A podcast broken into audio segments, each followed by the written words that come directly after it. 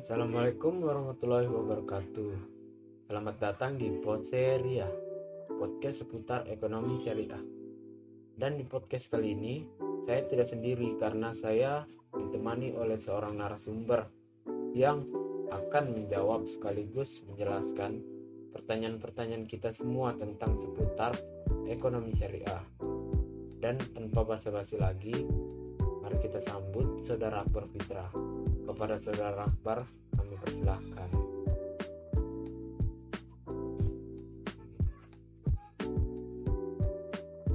Baik, terima kasih kepada Saudara Ridho Dafarehan selaku MC dan moderator kita kali ini. Dan di sini saya Akbar Fitra Bagaskara selaku narasumber akan menjawab sekaligus menjelaskan pertanyaan-pertanyaan apa yang ada di benak kalian semua tentang ekonomi syariah.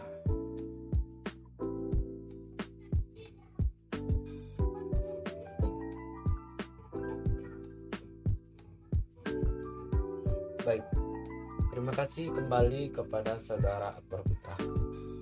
Dan di sini saya akan mengajukan pertanyaan tentang perilaku konsumen dalam Islam.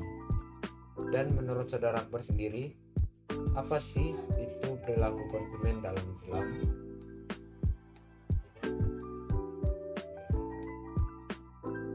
Baik.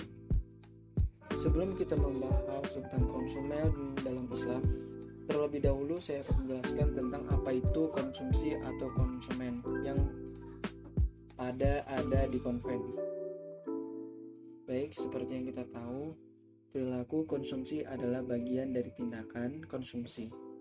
Perilaku yaitu tanggapan atau reaksi individu yang terwujud dalam gerakan atau sikap tidak tidak saja badan atau ucapan. Perilaku yang didasari oleh berbagai faktor baik dalam diri pribadi secara internal maupun dari faktor luar yaitu eksternal. Perilaku yang bersumber dari dalam diri sendiri adalah perilaku yang memang sudah ada sejak lahir dan semakin terbentuk dengan adanya pembentukan karakter atau sifat yang ditanamkan oleh lingkungan terdekat seperti keluarga dan saudara terdekat lainnya. Dan perilaku yang dipengaruhi oleh, faktor eksternal adalah perilaku yang terbentuk karena adanya pengaruh dari luar seperti lingkungan sosial dan masyarakat. Perilaku seseorang yang baik salah satunya terbentuk karena memang mendapatkan arahan dan pelajaran dari faktor luar. Berkumpul dan berada dalam lingkungan yang baik pula. Istilah jika ingin wangi, maka sering-seringlah berkumpul dengan orang penjual parfum. Yap. Konsumsi adalah menghabiskan atau menggunakan sesuatu nilai barang atau jasa. Dan menurut ilmu ekonomi, konsumsi adalah setiap kegiatan memanfaatkan, menghabiskan kegunaan barang dan jasa untuk memenuhi kebutuhan dalam upaya menjaga kelangsungan hidup.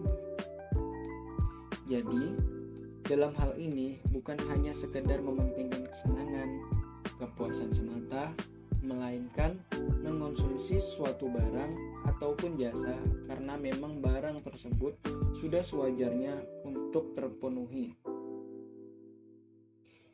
Jadi, perilaku konsumsi adalah tindakan yang langsung terlibat dalam mendapatkan, mengonsumsi, dan menghabiskan produk atau jasa termasuk proses keputusan keputusan yang mendahului dan menyusuli tindakan ini.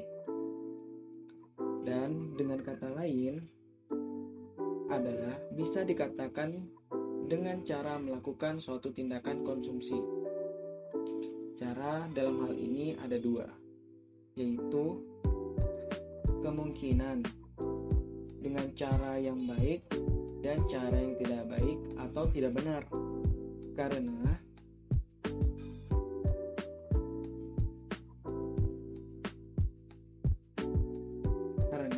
cara yang baik akan berlandaskan kebenaran dan sesuai dengan aturan baik secara hukum positif dan aturan syariat Islam. Dan cara yang kedua yaitu cara yang tidak baik ataupun buruk hanya akan berlandaskan keinginan semata tanpa batasan aturan yang ada atau bisa dibilang hawa nafsu. Perilaku konsumen dalam pengertian lain adalah perilaku yang ditunjukkan konsumen dalam mencari, menukar, menggunakan, menilai, mengatur barang atau jasa ataupun jasa yang dianggap mampu memuaskan kebutuhan. Dan di sini ada faktor-faktor yang mempengaruhi perilaku konsumen. Merujuk pada pendapat Hawkins dan Mothersbaugh, perilaku konsumen merupakan studi tentang bagaimana individu, kelompok, dan organisasi serta proses yang dilakukan untuk memilih, mengamankan, menggunakan, dan menghentikan produk, jasa, pengalaman, atau ide untuk memuaskan kebutuhannya dan dampak terhadap konsumen dan masyarakat. Seperti yang telah sedikit dipaparkan oleh faktor-faktor yang mempengaruhi perilaku konsumen yaitu faktor eksternal dan faktor internal. Dan itulah latar belakangnya menurut ilmu ekonomi konven.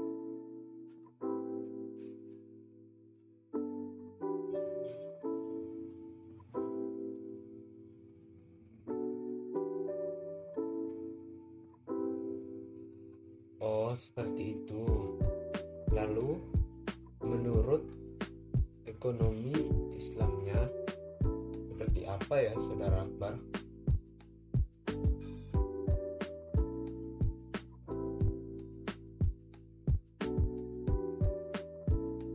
Nah, iya.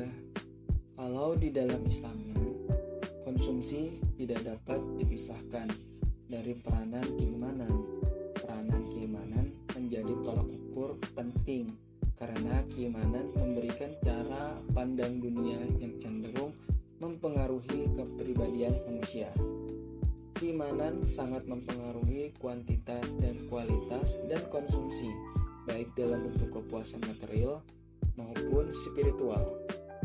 Dalam Islam juga sudah sangat jelas dijelaskan tentang aturan dalam melakukan segala perbuatan baik, buruk, halal, haram yang termasuk dalam Al-Quran dan hadis.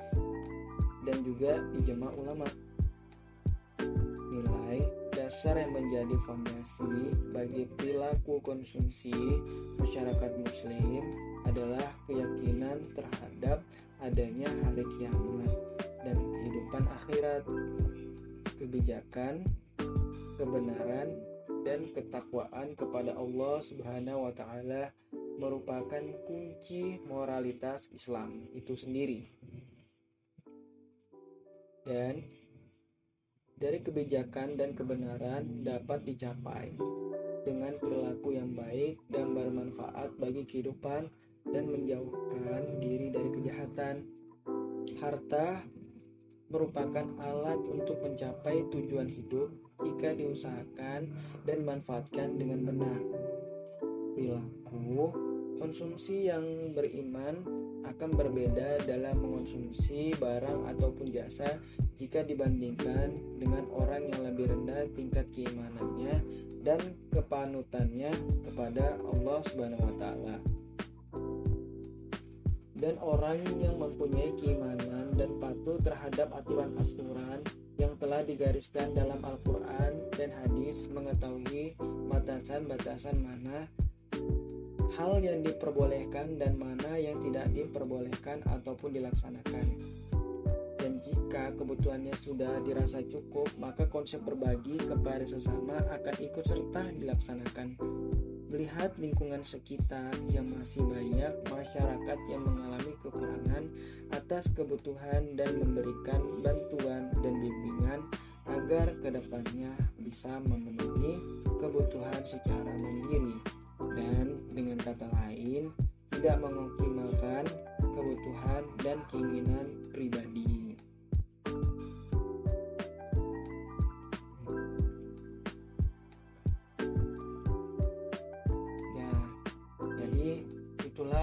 juga penjelasan ekonomi di dalam Islam. Nah, di sini kakak sudah saya Akbar sudah menjelaskan tentang apa itu ekonomi konven dan apa itu ekonomi Islam. Dan sekarang apakah selaku penanya sudah dimengerti? Ya, ya. Terima kasih kepada Akbar karena telah menjelaskan apa itu ilmu ekonomi Islam. Dan terima kasih juga kepada teman-teman karena mau mengikuti dan mendengarkan podcast ini. Sekian dari saya, terima kasih. Assalamualaikum warahmatullahi wabarakatuh.